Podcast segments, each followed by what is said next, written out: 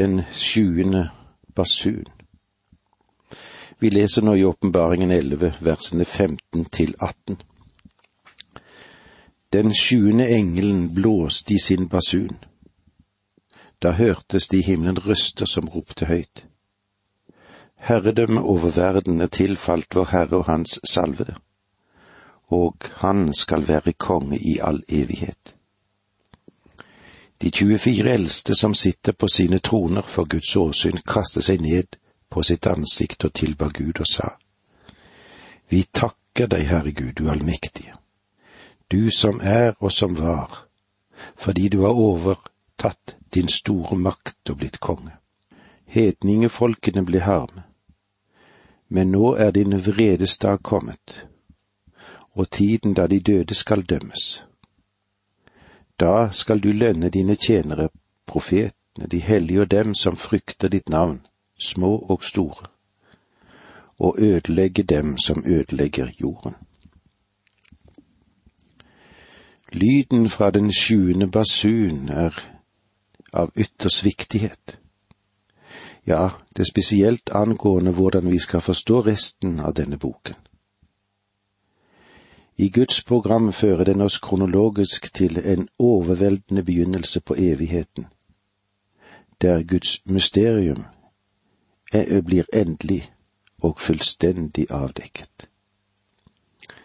Den fører oss inn i Guds program så langt som til åpenbaringen 21, der evigheten tar til. Det brede oppslaget av hendelser som Gud har lagt ferdige, blir gitt oss her ved Den hellige ånd. Denne delen er en sammenfatning, et oppsett av de hendelser som fører oss til evighetens port. Følgende liste vil hjelpe oss til å fokusere på disse hendelsene i vår tanke. Vi har eh, satt dette opp i åtte punkter. Røster som ropte høyt, herredømme over verden, de 24 eldste som sitter på sine troner, hedningefolkene, de blir harme. Nasjonene var vrede, tiden da de døde skal dømmes. Da skal du lønne dine tjenere. Og så kommer det åttende punktet, da å ødelegge dem som ødelegger jorden. La oss se litt på det første punktet som jeg nevnte, røster som roper høyt. Røster som roper høyt følger signalet fra den sjuende basun. Ved åpningen av det sjuende segl var det taushet i himmelen. Og det er eh, nødvendig at vi merker oss denne kontrasten, for her forteller signalet at den sjuende basun om Guds program, og det redegjør for Guds mysterier. Alle Guds skapte vesener kan nå se enden, og så jubler de i forventning om at den onde skal snart få sin ende. Dette er gledens tid for dem.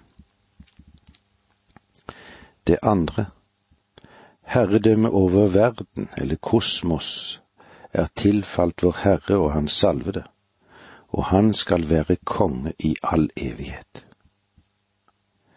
Herredømmet over verden ligger for øyeblikket under Satan, og for ham er det ikke noe øst eller vest, alt er hans.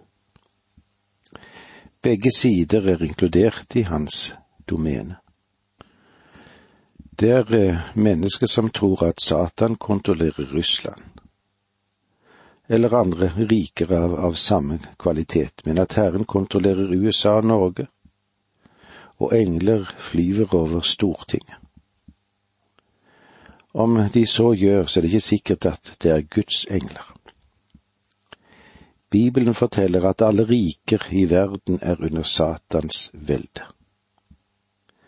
Og eh, derfor heter det herredømme over verden. Herredømme over verden. Det er å finne sivilisasjoner og samfunn som er en totalitet. Alle som skryter av å bli bedre og bedre. Men så ser det ut til at det blir mer og mer gudløshet, og det blir verre og verre for hver dag. Det onde får bedre tak. Det er en dømt sivilisasjon som beveger seg mot dommen. Dette skal bli rike, verden for vår Herre og Hans salvede. Satans rike skal en dag underkues, men ikke gjennom det at vi til stadighet og eh, oftere blir minnet om at vi blir mer og mer intelligente. At vi forbedrer vår kultur og alt alt ser bedre ut. Denne verden skal vi utfris av den Herre Jesus Kristus, og han skal herske. Og så sies det slik i Skriften. Jordens konger reiser seg. Fyrstene rådslår sammen mot Herren og Hans salvede. La oss sprenge deres lenker og kaste repene av oss, står det i Salme to, vers to og tre. Opprør brøt ut mot Herren og Hans salvede, altså Messias den salvede, da Jesus ble arrestert. Den første menighet forsto at dette er verdens situasjon, og derfor siterte de Salme to da forfølgelsene brøt ut i den første menigheten. Det kan vi se om i Apostelens gjerninger, i det fjerde kapittelet der vers 23 til 26. Men la oss se litt hva Salme 2,9 sier oss. Du skal knuse dem med jernstav og slå dem i stykker som leirkar. I Åpenbaringen 19 kommer vi til å få flere detaljer angående det som beskrives her. Den Herre Jesus, han skal knuse alt opprør. Den sjuende basunen fører skritt for skritt nærmere evigheten. Det tredje punktet som vi var innom, er at de 24 eldste som sitter på sine troner for Guds åsyn, kastet seg ned på sitt ansikt og tilba Gud og sa, Vi takker deg, Herre Gud, du allmektige, du som er og som var, fordi du har overtatt din store makt og er blitt konge. Denne åpenbaringen får menigheten i himmelen til å tilbe og hylle Kristi komme til jorden. Dette vil nok bli svaret på våre bønner. Komme ditt rike. Skje din vilje på jorden, som den skjer i himmelen. Det fjerde punktet som vi vil se på, er hedningefolkene ble harme. Hedningefolket ble harme. Det forteller oss at den sta og opprørske ånden som er i menneskene, den vil fortsette frem til den bitre slutt. Hele veien er det det sta menneskehjertet som er i opprør mot Gud. Denne gamle naturen som vi har den kjødelige natur du og jeg har, er ikke lydig mot Gud. Du kan aldri få den gamle naturen til å lyde Gud. Og det er nøyaktig det Paulus sier oss i Romerbrevet 8,7. Det mennesket av naturen trakter etter, betyr fiendskap mot Gud, for vår onde natur bøyer seg ikke for Guds lov. Ja, den kan ikke gjøre det. Den gamle natur kan ikke bringes under kontroll, og det er grunnen til at Gud skal bli kvitt den en dag. Det femte punktet som vi kommer til, er nasjonene var vrede fordi din vredes dag er kommet. De hadde blitt matet full av denne slappe likegyldighet som vi hører om i dag. Ja, hva er det? Jo, at Gud aldri har til hensikt å straffe synd, og at mennesket blir bedre og bedre for hver dag. Mens ser vi på det, så er vi på vei til å gå nedover, og det blir verre og verre. Det sjette punktet, tiden da de døde skal dømmes, fører oss til den store hvite trones dom over de døde som er fortapt det syvende punktet. Da skal du lønne dine tjenere, profeten og de hellige og dem som frykter ditt navn, små og store. Menigheten står allerede for hans åsyn, og de troende er allerede blitt lønnet slik det er antydet ved de kroner vi har sett på de eldstes hoder. Dette henviser nå til Det gamle testamentets hellige, og de hellige fra trengselstiden. De er inkludert i den første oppstandelse, men til en annen tid. De vil nå bli lønnet i det rikets tid som begynner. Og det åttende og siste punktet som vi har med oss i dag, og ødelegge dem som ødelegger jorden. Dette tror jeg henviser både til menneske og Satan. Mennesket er en ødelegger like så vel som Satan er det, og Peter advarer oss mot denne onde fyrste. Vær nøkterne og våg. Deres motstander djevelen går omkring som en brølende løve for å finne noen å sluke. Og eh, med dette må vi si takk for nå, må Gud være med deg. Dette undervisningsprogrammet består av to deler. Åge Nevland fortsetter nå med andre del av dagens undervisning. Vi er i Johannes' åpenbaring. Vi er til stede i det ellevte kapittelet og helt i avslutningen av dette kapitlet, der vi hører om den eh, sjuende basunen som lyder. Vi har òg vært vitne til hva som vil skje og har skjedd opp gjennom i tidene. Og eh, nå, når vi går inn i det neste verset, så fører det oss til evighetens salige port. Det ser vi i vers 19 i det ellevte kapitlet.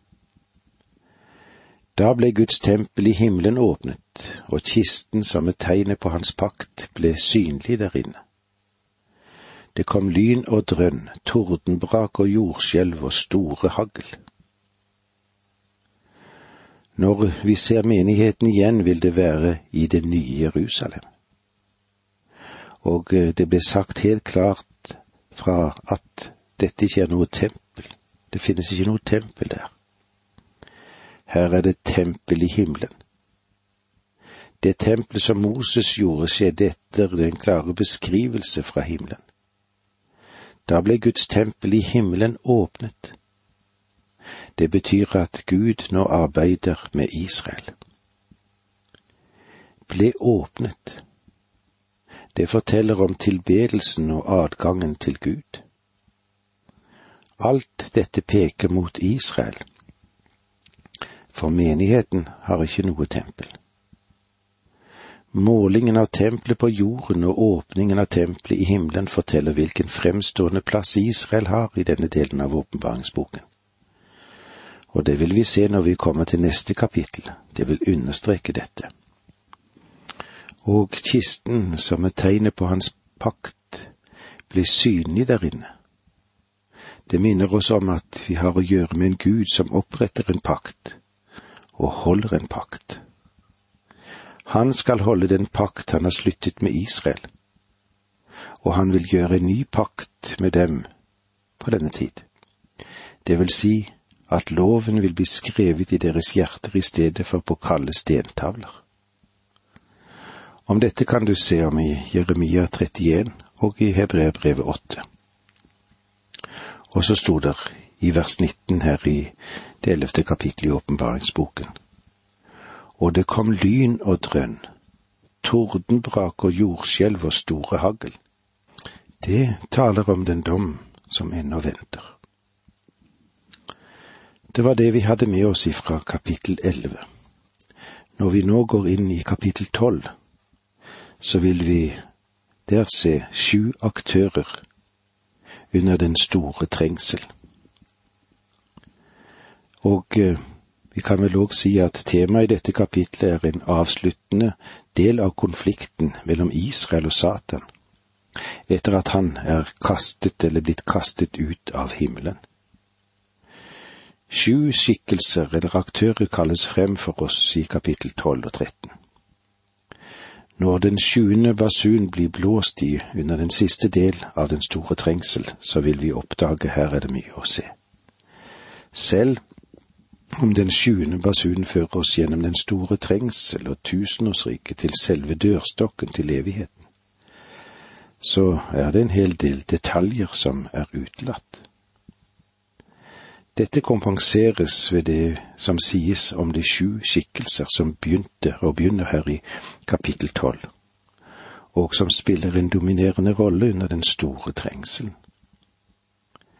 Etter det så kommer scenen med de sju vredeskålene som tømmes ut, og så den avsluttende ødeleggelse av det kommersielle Babylon og det religiøse Babylon. Her kommer Israel i forgrunnen. Det ble så vidt antydet i det foregående kapittel, ved målingen av tempelet på jorden og åpningen av tempelet i himmelen. Siste vers i kapittel elleve er faktisk åpningen av det som vi har her i kapittel tolv. Disse sju skikkelser representerer personer, både naturlige og overnaturlige fysisk og åndelig, herskere og folkeslag. Og kjenne disse og få klargjort hvilken rolle de spiller, er vesentlig for å få en riktig forståelse av åpenbaringsboken. Det håper jeg du vil se når vi tar for oss den første del av disse personlighetene. Nå kommer vi til det store kicket når det gjelder tolkningen av hele åpenbaringsboken for det dreier seg om denne første personen. Jeg tror at det å være klar over hvem denne kvinnen er i begynnelsen av dette kapitlet, det er nøkkelen til forståelsen av åpenbaringsboken. Med det vi går inn i nå, så kan vi kanskje sette som en overskrift Kvinnen Israel. Vi leser de to første versene i det tolvte kapitlet her i åpenbaringsboken. Et stort tegn viste seg på himmelen. En kvinne som var kledd i solen, med månen under sine føtter, og med en krans av tolv stjerner på hodet. Hun var med barn og skrek i barns nød og fødselsvær. Det viktige spørsmål for oss her er hvem er kvinnen? Du er sikkert kjent med tolkningen som Romerkirken gir at hun representerer jomfru Maria. Og det finnes fortolkere på protestantisk mark som har vært like langt fra sannheten som det. I dag er det flere av dem som følger tendensen mot Rom, og tolker kvinnen som menigheten eller kirken gjennom alle tider. Enten dere tror det eller ei, så har det vært flere kvinnelige grunnleggere av kulter som ikke kunne motstå seg fristelsen å se seg selv i bildet av denne kvinnen. Kanskje den mest kjente er Joanna Southcott, som sa at hun var denne kvinnen i åpenbaringen tolv, og at hun i oktober 1814 ville føde et guttebarn. Det gjorde hun aldri, men hun fikk to hundre tusen etterfølgere. Jeg tror vi kan avvise alle påstander fra kvinnefronten når det gjelder å tolke inn noen av sine egne i dette bildet i Bibelen. Identitetstegnene for denne kvinnen er solen, månen og stjernen. Disse tilhører Israel slik vi møter dem i Josef sin drøm. Siden hadde han enda en drøm, som han fortalte til brødrene sine. Nå har jeg hatt enda en drøm, sa han.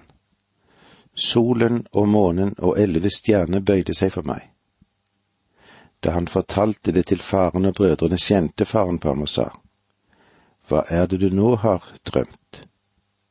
Skal virkelig jeg og din mor og dine brødre komme og bøye oss til jorden for deg? Dette står i første Mose 37, 9 og 10. Gamle Jakob tolket solen.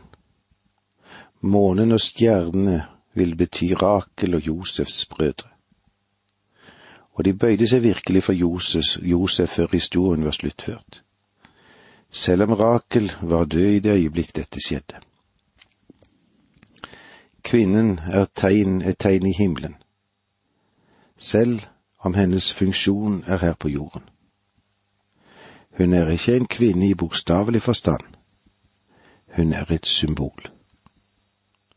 Hennes situasjon korresponderer med Israel, for det er Israel som fødte frem Kristus, som er barnet.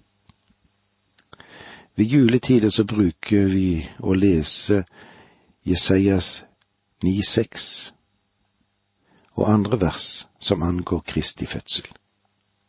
Dette verset angår Kristi fødsel, men det angår ikke oss alle. I stedet er det slik at det angår Israel. La oss se hva det står i kapittel 9, vers 6 i Jesaja.